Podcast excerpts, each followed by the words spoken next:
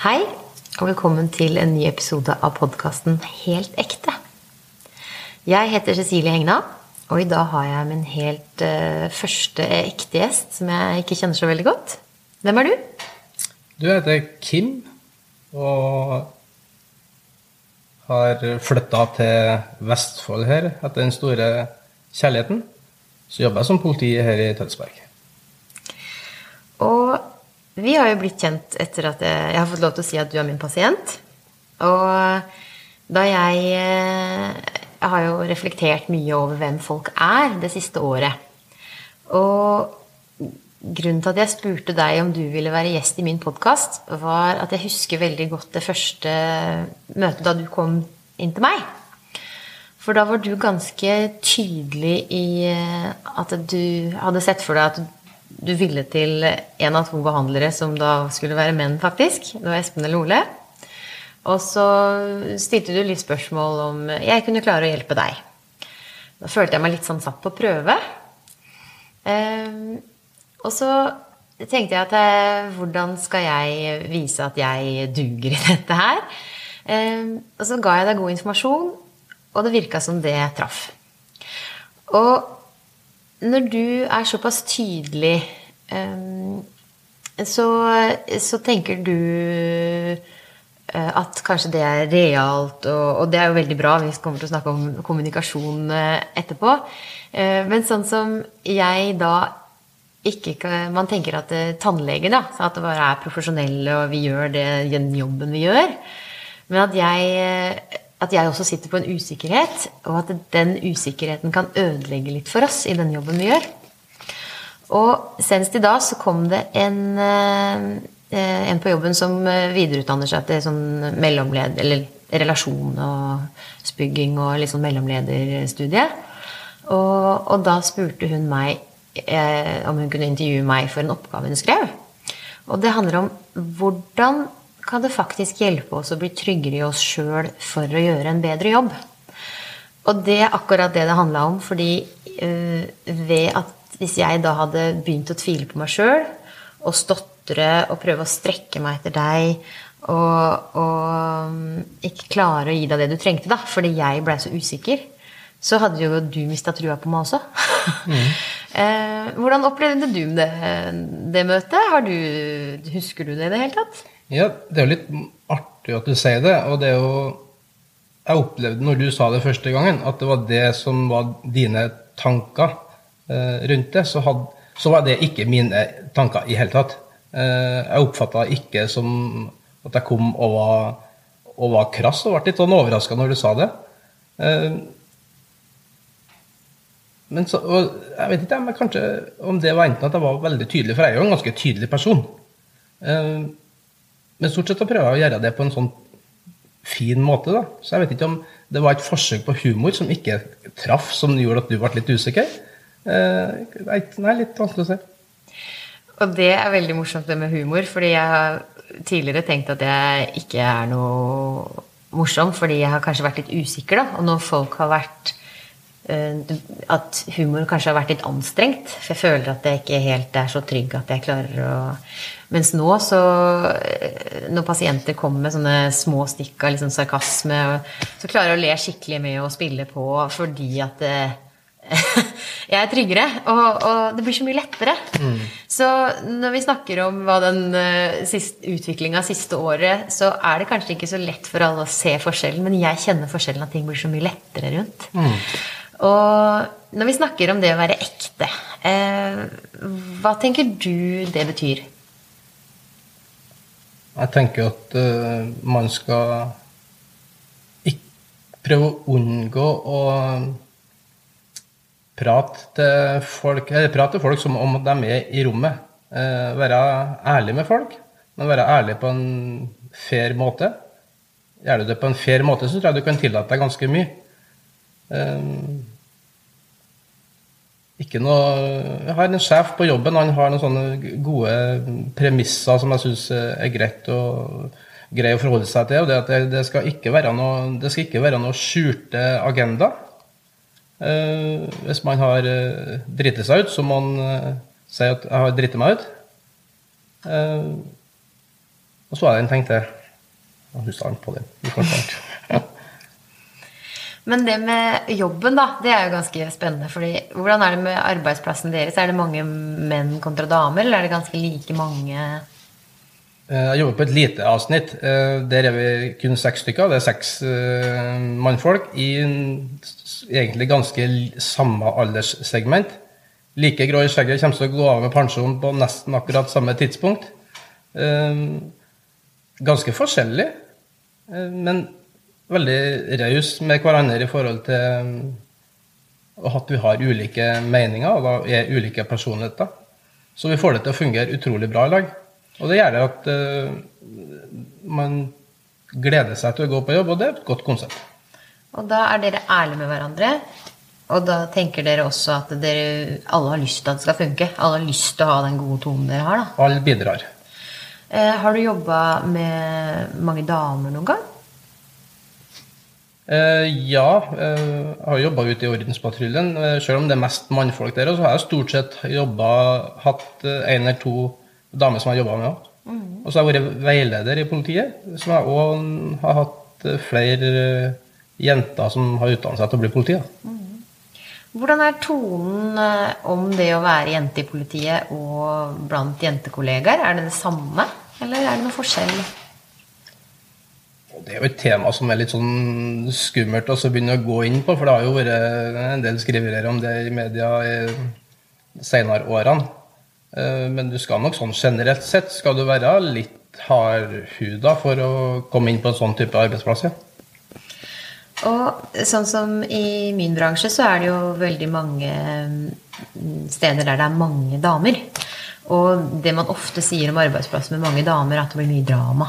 Det blir mye som kanskje er usagt, og at man, eh, man Mye baksnakking, da. Og da lurer jeg liksom på hvorfor det.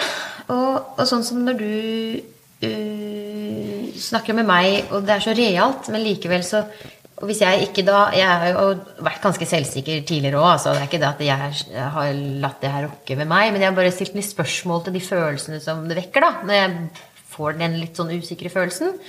Og jeg tror det er mange damer som er enda mer usikre enn meg, og da ikke eh, tar det med seg sjøl engang, men kanskje føler seg sånn angrepet og føler at dette her var veldig frekt og dumt, og kanskje går og sier til en kollega at eh, han er sånn og sånn dum. Fordi den ubehaget ved å bli usikker, det er noe som kan vekke følelser som man på en måte må beskytte seg mot. Og jeg har en sånn teori om at eh, det er grunnen til at det blir litt sånn snakking bak. Og vi har jo da eh, forskjell på menn og damer på klinikken. Og det er gjerne sånn at det, eh, det er flest tannleger som er menn, og så er det flest sekretærer som er damer. Eh, og da har man kanskje tenkt at det er en stor forskjell på det å være tannlege. At det er liksom klasseskille eller hva det er med at det er tannlegene som er sjefene, og så er det sekretærene som er liksom damene, da. Og nå som det kommer ganske mange dametannleger til, så, så blir jo det skillet litt borte. Så nå er det da ikke nødvendigvis et enkelt skille om at det er damene som bråker fordi de er sekretærer, eller misnøye fordi de er en, en annen jobb. Men det er nok, tror jeg, fordi damer generelt er litt mer usikre på sin posisjon. Og trenger på en eller annen måte å finne noen som de stoler på, da, til å backe seg. Uten at de tør å klare å si det de lurer på faktisk i plenum. Og, og det her har jeg jo vært veldig veldig opptatt av siden jeg ble avdelingsleder der jeg jobber. Fordi eh, på alle arbeidsplasser så er det jo et eller annet eh, og mange mennesker å forholde seg til. Og mm, de gangene det har vært uroligheter, og noen har vært misfornøyd, så har det jo alltid handla om den usikkerheten. Om at de ikke gjør en god jobb. Og alle tror jo selv at de faktisk gjør en beste jobb, men de tror ikke nødvendigvis at andre ønsker å gjøre den samme like gode jobben. Mens det jeg så som leder, er at alle faktisk ønsker det. Og alle tror faktisk at de gjør en kjempegod jobb. Og alle ønsker å bidra. Og så når vi da klarer å messe inn at alle vil hverandre vel, og alle ønsker å bidra på lik linje, men at alle også er sårbare og blir syke innimellom. Alle må være hjemme med syke unger. Og så tilegne hverandre den som du sier da, den rausheten. Og når vi da begynner å leve det og tro på det, så er det ikke lenger en sånn der baksnakkegreie. Fordi vi har klart å bygge en trygghet, uavhengig om man er jenter eller gutter eller menn eller damer. Så, så Men man bygger hverandre opp, da. Ja, og jeg kom på den, den siste, en av de andre prinsippene der, da, det er at man ikke skal anta. Ja. Og det er jeg litt sånn opptatt av òg. Ja. At uh, hvis man er i tvil, så får man spørre. Ja. Da skal det ikke være noen tippekonkurranse om hvordan man eventuelt har det eller føler det, hva man eventuelt vil eller ikke vil. Man kan, hvis man er usikker, så spør man, og så får man forhåpentligvis da, ærlige svar. Og det er kjempebra i mange settinger. Sånn som hvis jeg da faktisk er i tvil på om en pasient har eh, tillit til meg, så kan jeg faktisk spørre eh, hva tenker du om eh, måten jeg eh, kommuniserer på? Eh, følte du at jeg forklarte det godt?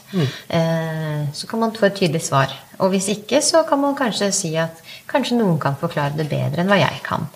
Og for dette her handler om et samarbeid. Det handler ikke nødvendigvis om at jeg er en bedre behandler eller en dårligere behandler enn den andre. Men vi har forskjellige måter å kommunisere på. Kommunikasjon er en sånn stor del av det å klare å komme i mål med en god behandling. Da.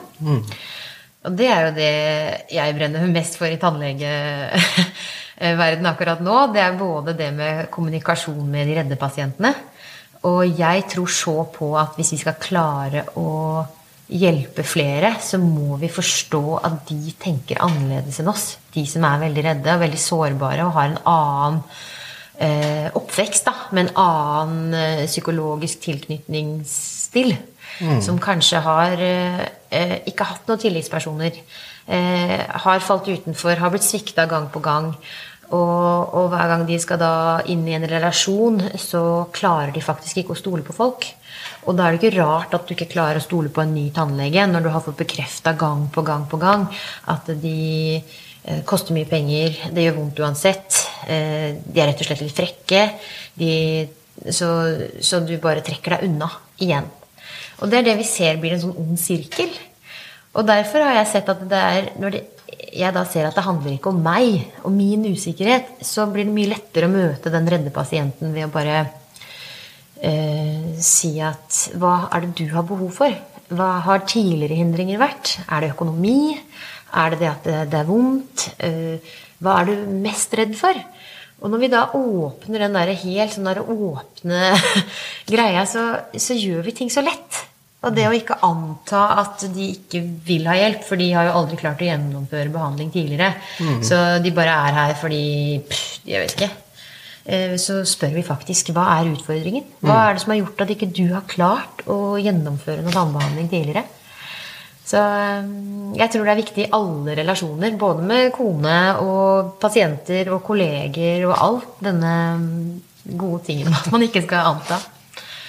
To assume is to make an ass of you and me, har jeg lært. Ja. Um, men jeg har jo også tenkt på Da jeg egentlig beslutta å invitere deg på podkasten min, så handla det jo ikke bare om dette første møtet, men det var jo også fordi jeg hadde sett at du sykler litt hardt og litt fort, og jeg tenkte å introdusere deg som en råsyklist. Men eh, nå skal du få lov til å forsvare deg på den. Ja, eh, jeg står jo støtt i akkurat det at jeg sykler rått, da. Jeg syns jo det passer tøft. Eh, så sykler jeg jo på rød mann innimellom, og det var vel det du eh, kanskje skvatt litt når du så at en politimann sykla på rød mann? Det var det. Ja. Eh, Og mange tror jo sikkert at det er ulovlig, og det er jo ikke nødvendigvis det. Hvis man passer på at det ikke er noe eh, biler som kommer fra høyre eller venstre, noe kryssende trafikk der, så går det helt fint. Både å sykle og gå på rød mann. Eh, man må uansett da ha med seg både hodet og ørene og vettet, og få med seg det som skjer rundt. Og jeg tenker jo akkurat det med trafikk er jo kommunikasjon. Og som du sier, at man må respektere og følge trafikkbildet og se og få øyekontakt og, og, og passe på. Og da er det lov til å sykle på rød mann, som du sier. Og er det lov til å sykle over gangfeltet også da, eller? Ja, ja, det er jo det. Ikke sant? Og så er det jo igjen det at man antar at man selv har rett. Og det er jo ofte i mange diskusjoner og situasjoner at man antar at man har rett. Og jeg sykler Jeg stopper faktisk på sykkelen. Jeg står på sykkelen, men jeg ser om folk ser meg. Og så ser jeg jo da at eh, folk kommer kjørende, og så hytter med neven fordi jeg ikke har gått av sykkelen. Og så kjører de kjempefort over det gangfeltet og føler at de da har rett. Mm. Og det tenker jeg, Da ler jeg litt for meg sjøl, for jeg eh, blir ikke påkjørt. Fordi jeg føler meg trygg, fordi jeg har sett at han gjør det han gjør. Mm. Eh, men likevel så hytter han og syns at jeg er en dust og en idiot fordi jeg bryter loven. Hvem er det som bryter loven mest i det tilfellet da, tenker du? Jeg tenker at uh, når du kjører og ferdes i trafikken, så skal du være forsiktig og få med deg det som er, og så skal du nødvendigvis stå på kravene dine. Uh, selv om det kommer en bil som skal inn fra høyre, som har vikeplikt for deg, hvis han presser seg igjen ut da, så om du må touche litt på bremsen og bare slippe han videre, så er jo det helt i orden, tenker jeg. det har ikke ødelagt uh, dagen min. Men jeg ser jo reaksjonen på en del andre eh, bilister som da tuter og hytter med nevene og er passe irritert. Du er heller ikke noen god sjåfør da, hvis du blir så sint for så lite. Og jeg tror det der, Jeg har lurt litt på ja, hva det er som gjør at folk blir så hissige i trafikken. Og siden jeg da er opptatt av usikkerhet, så så tenker jeg jo Er det fordi man blir redd, kanskje? Kanskje man er redd for å treffe noen, da? tenker jeg at, Eller om man har en dårlig dag.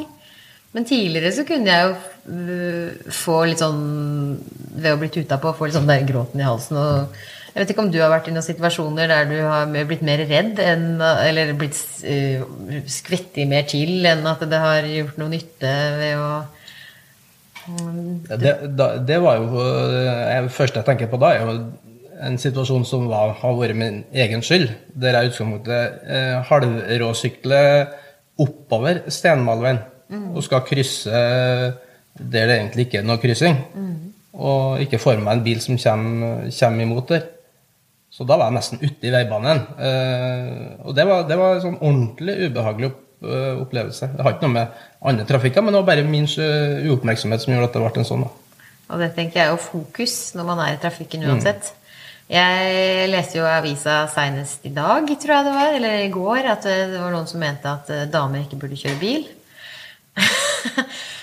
og jeg må si at uh, til tider så kan jeg være tilbøyelig til å være litt enig når man ser på mitt uh, fokus når jeg har kjørt bil. da.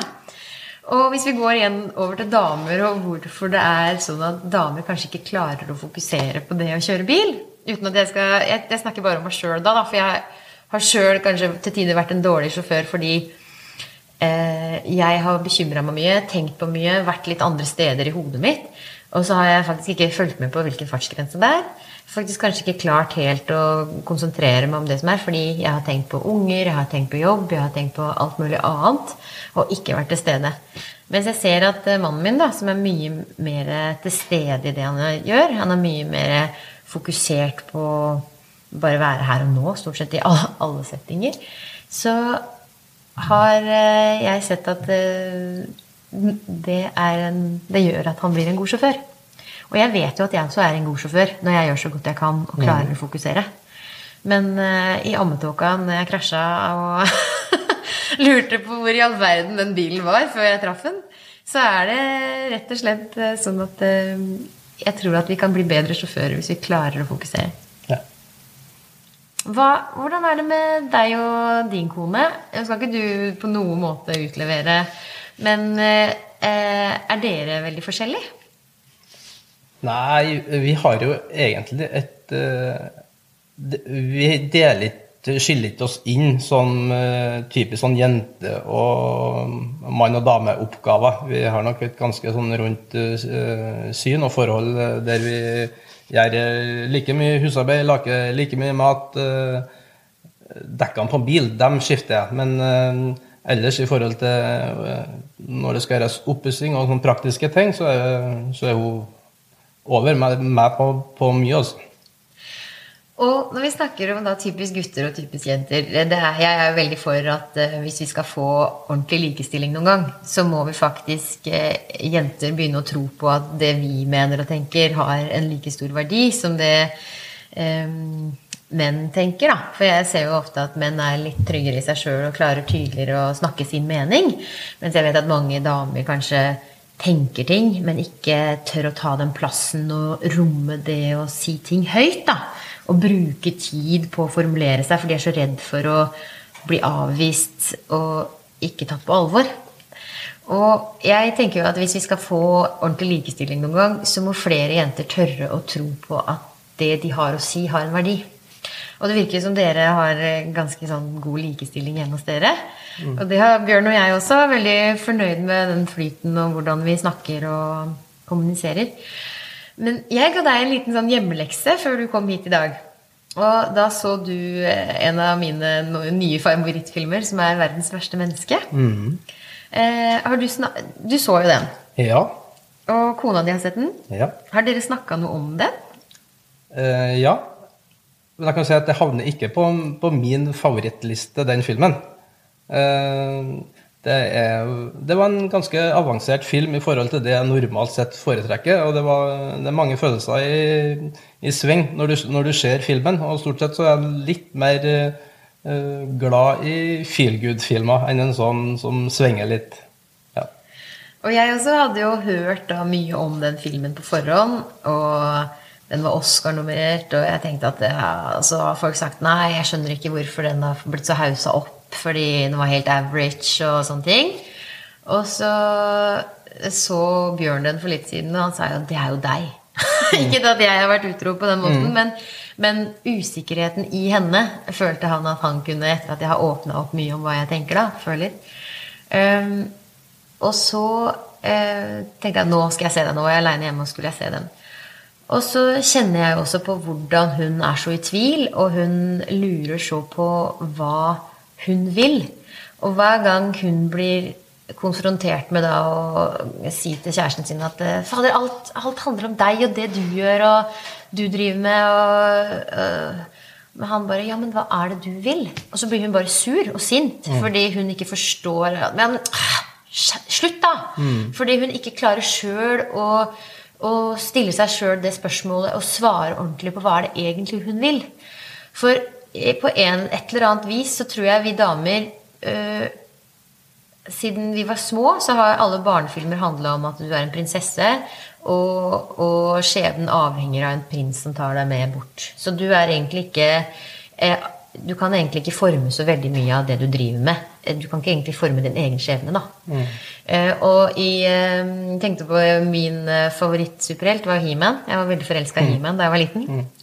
Og da skulle jeg være tøff, og jeg skulle være flott og tynn med langt, lyst hår, for det var Shira som da var medheltinne. Og, og det har da forma ganske mye av bildet på suksess siden jeg var liten. Og så så jeg en dokumentar om He-Man og hvordan den ble laga.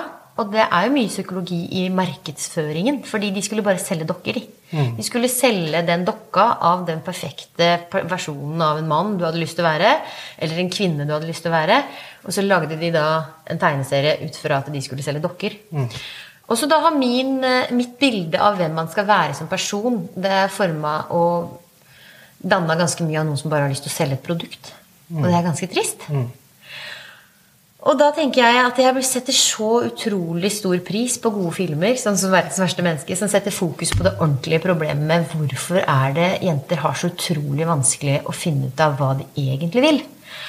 Og da er jeg også så igjen glad for at Disney tar ansvar og lager så utrolig gode uh, barnefilmer med sånne uh, sterke damer som Anna og Elsa og Vaiana og og tøffe damer da, med, med liksom mye gode psykologiske undertoner som jeg bare heier så utrolig på. Så jeg, fòrer på med gode Disney-filmer her hjemme hos oss. for at vi skal... Og igjen Petter Pan. Jeg vet ikke om du har sett den gamle Petter Pan-filmen? Ja, gamle Jeg har i hvert fall sett en Petter Pan. jeg så en Petter Pan uh, med voksne øyne og tenkte fy fader, han er jo en mannssjåvinistisk narsissist. Mm. og det er liksom barnefilmer vi ble oppvokst i. Og så ser man liksom det der bildet som da har tatt med Kanskje, kanskje det betydde såpass mye at en hel generasjon damer vingler, selv om vi skal være da overmennesker og supermennesker, og vi skal jobbe, og vi skal være mammaer, og vi skal være Det er ikke rart at de fleste 40 år gamle damene på et eller annet vis går på veggen, tenker jeg. Nei. Eh, det, uansett om det er mann eller dame, det, det handler liksom om å stå i, i valgene man tar, da. Eh, og så må man jo ha òg kanskje realistiske forventninger til hva man kan klare ut ifra den tida man har til rådighet. Og nå fyrer jeg meg opp over damene her, men jeg vet jo at vi lever i en tid der det er veldig mange menn også som har fått eh, mer sånn forhold til psykisk helse. Jeg vet ikke om du kjenner noen menn som har begynt å åpne mer opp om eh, følelser, at de har gått på en smell, at de ikke takler livet sånn som det er. Snakker dere noe mer om det nå enn dere gjorde før? På, i, I politiet så var det jo Før så snakka man jo ikke om følelsene sine, sjøl om man var eksponert uh, i heftige oppdrag. og Det var mye som, som, gikk inn på folk, men det skulle liksom ikke prates om. Så det har endra seg veldig veldig de siste årene. Man har jo egen kollegastøtteordning som kan bistå uh, hvis det er behov for det. Og vi hadde jo òg nå nylig en, en politimann som uh, var veldig åpen om uh, ordentlig panikkangst uh, som han har hatt over tid, og det gikk så galt at han, at den flata ut, og til slutt da endte opp med å ta imot, ta imot hjelp. Hørt foredrag på han, og det var, det var sterke greier. Det som fascinerer meg egentlig akkurat med, med, han, og sikkert med mange andre nå, det er at uh, når du står og ser på dem, så ser de ut som høy, han, han, høy, mørk, uh, kraftig. Har en sånn framtoning i foredraget som Du tror det ikke. men bak da den fasaden så er det såpass mørkt, og da det å blottlegge seg sånn som det han gjorde der, det, det er heftig. Og du ser jo sånn som det er jo et, det er jo et tema som, er, som engasjerer. og Jeg synes du blir litt engasjert når du, når du nevner det. Eh, derfor så blir jeg så glad da, sånn som i siste tida, når ja, bl.a. Stian Blipp eh, åpner seg opp òg. Folk som du egentlig ikke tror eh, har hatt sånne problemer, åpner seg opp. Og da slår litt sånn hull på det tabuet som psykisk helse har vært. da. Det applauderer jeg. Ja. Det er så utrolig viktig. For når jeg først snakker om likestilling, så er det jo det at jeg tror jentene må tørre å ta sin plass. Og så tror jeg også gutter må lære å håndtere de følelsene som faktisk er. At det, dere er jo første generasjon som må forholde dere til å snakke om følelsene deres. Og har en del nye forventninger enn hva alfamail i gamle dager skulle være. Mm. Så eh, jeg tror det er mye som kan eh, finnes ut av. Og det er derfor jeg er så veldig gira på denne podkasten der vi kan snakke om sånne ting. da. Mm. Og bare naturliggjøre det. Og jeg tror jo på det sånn som Eh, jeg ser jo sammenhenger overalt. Jeg tenker sånn Enkelt bilde er jo da tannhelse. Og det at man faktisk går til tannlegen og får et sunt forhold til tannhelsen sin fra man er liten. Mm. Og hvorfor kan man ikke ha det samme med eh, psykisk helse? Hvorfor kan man ikke da ha fokus på hvordan man snakker sammen, hvordan man tenker, hvordan man føler, at man får liksom eh, en litt mer kunnskap om det, da. Mm. Og det er jo helt nytt at man begynner å tenke sånn. Men eh, jeg tror etter hvert som helsevesenet begynner å åpne øynene for at mye fysisk sykdom også kommer pga. psykiske problemer. Mye låsninger og vondter og sånne ting. Så jeg tror vi bare er i en sånn startfase. Ja. Men eh, Tusen takk. Jeg, jeg, tror vi har prata om det jeg hadde lyst til at vi skulle prate om. Har det noe vi uh, har snakka om at vi Ja, i forhold til psykisk helse. Ja. Så, så, er jeg litt opptatt av at vi foreldre må være eh, gode rollemodeller. Vi må ta, være litt ansvaret bevisst. Det prøver vi liksom å være, i hvert fall i hjemmet vårt, så er vi veldig bevisst på å ikke snakke nedsettende om andre familier. sant? Eh, vi snakker ikke nedsettende om eh, folk vi ser på TV-en, sjøl om nesen er stor og ørene er lange, så, så er ikke det sånn noe vi kommenterer. Jeg tenker at Mye sånne småting kan være med liksom, å gjøre unger usikre. Det tror jeg er superviktig. Og det med at vi tar ansvar alle og enhver for hvordan vi faktisk prater hjemme.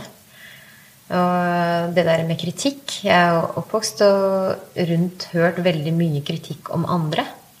Og så har jeg igjen tenkt at uh, mye av det som har kritisert andre, har jeg tenkt at jeg er jo litt sånn. Og så har jeg på en måte skjult meg litt da, for å ikke være den som blir kritisert. Og så prøver man å eh, gjøre seg så vanlig og usynlig som mulig for å ikke være utsatt for kritikk. Så da blir alle litt sånn eh, Ja. eh, Sånn, eh, det er en sånn historie om sånn der Buddha som er tilsølt over tid. Og så skraper du av lag for lag. Til slutt så er den buddhaen av gull. og, og jeg har jo da, etter å ha fått litt sånn eh, inspirasjon av Anja Hammerseng Edin og Heart Mentality, som jeg er veldig glad, glad for at jeg har vært med i. Som da satt og gråt den gangen jeg prøvde liksom å finne ut hvem er jeg egentlig. Hva er det inni meg som jeg har lyst til å være? Og det å tørre å være den beste versjonen av seg sjøl. Og selv om det ikke er en perfekt utgave, det å være ekte er på langt nær det å være perfekt. For det ingen er perfekt. Men det å bare tørre å stå fram da, med de tankene og den væremåten man har, og kanskje på den båten at man kan bidra til verden på noe som er viktig, noe som faktisk kan eh, gjøre eh, en positiv forskjell. Ja, det er så enkelt som at eh, man sjøl finner ut da, hva er det som gjør at jeg har det bra. At man stikker litt fingeren i jorda og så tenker på Hvis jeg gjør det, bidrar det til at eh, jeg eller min familie får det bedre. Man kan være litt mer egoistisk og bygge sin egen eh, lykke òg, syns jeg. Uh, ikke tenk for mye på hva alle andre sier og mener. Uh, så man slår, du kan slå et lite slag for kardemommeloven. da, At du kan liksom gjøre hva du vil, men være grei og snill, da. Så kanskje hvis vi tør å være de menneskene og stole på og bli kjent med verdier, våre egne verdier, og tenke at det er både respekt og det med at vi kanskje kan være litt fri, men at så lenge man ikke sårer noen eller snakker dårlig om noen, så kan man faktisk eh, ta egne beslutninger og gjøre ting man har mer lyst til, og tenke på seg sjøl. Så kardemommeloven det heier jeg på. og jeg må jo fortelle da På eh, forrige FAU-møte så sa jo rektor og fortalte om en skole i Danmark der de hadde kutta ut alle regler og styrte etter kardemommeloven. Og rektor fortalte at dette her hadde gått overraskende bra.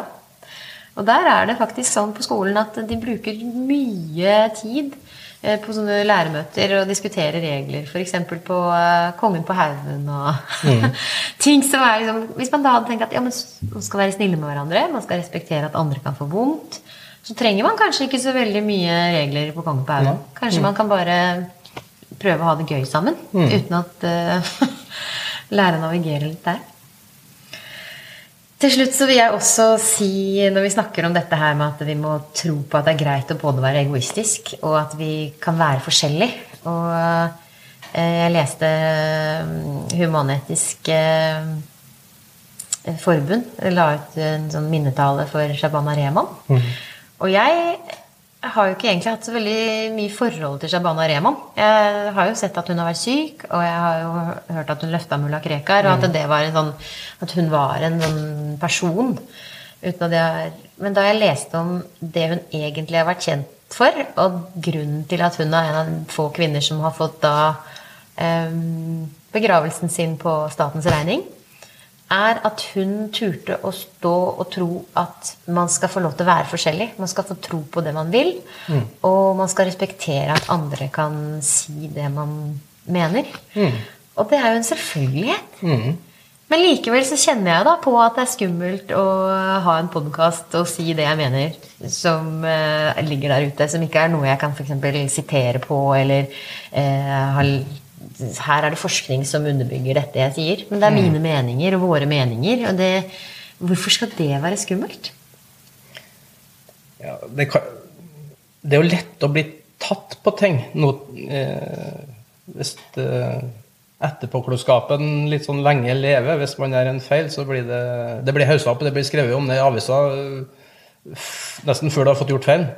Eh, og det, det gjør det jo litt sånn enda vanskeligere å stå i det valgene da, som vi har snakka litt om nå. Eh, ja, det krever litt mer. Men hvis vi tør å være ekte, da, og tør å øh, gjøre det vi gjør fordi det er noe vi virkelig tror på er riktig, så kan vi kanskje ikke bli så tatt på ting heller. Nei, hvis en har den tryggheten. Og jeg da, til minne om Shabana Rehman, som jeg blei liksom kjent med for første gang da jeg leste her, så fikk jeg en liten tro på at dette her er viktig. Og jeg ønsker at eh, vi alle kan bidra med det lille vi har, ved å tørre å si meninga. Tørre å tro på at vi har noe inni oss som verden trenger. Så eh, tror jeg vi avslutter der. Tusen takk for at du ville være med og prate med meg. Sjøl takk. Så eh, høres vi. Ha det. Ha det.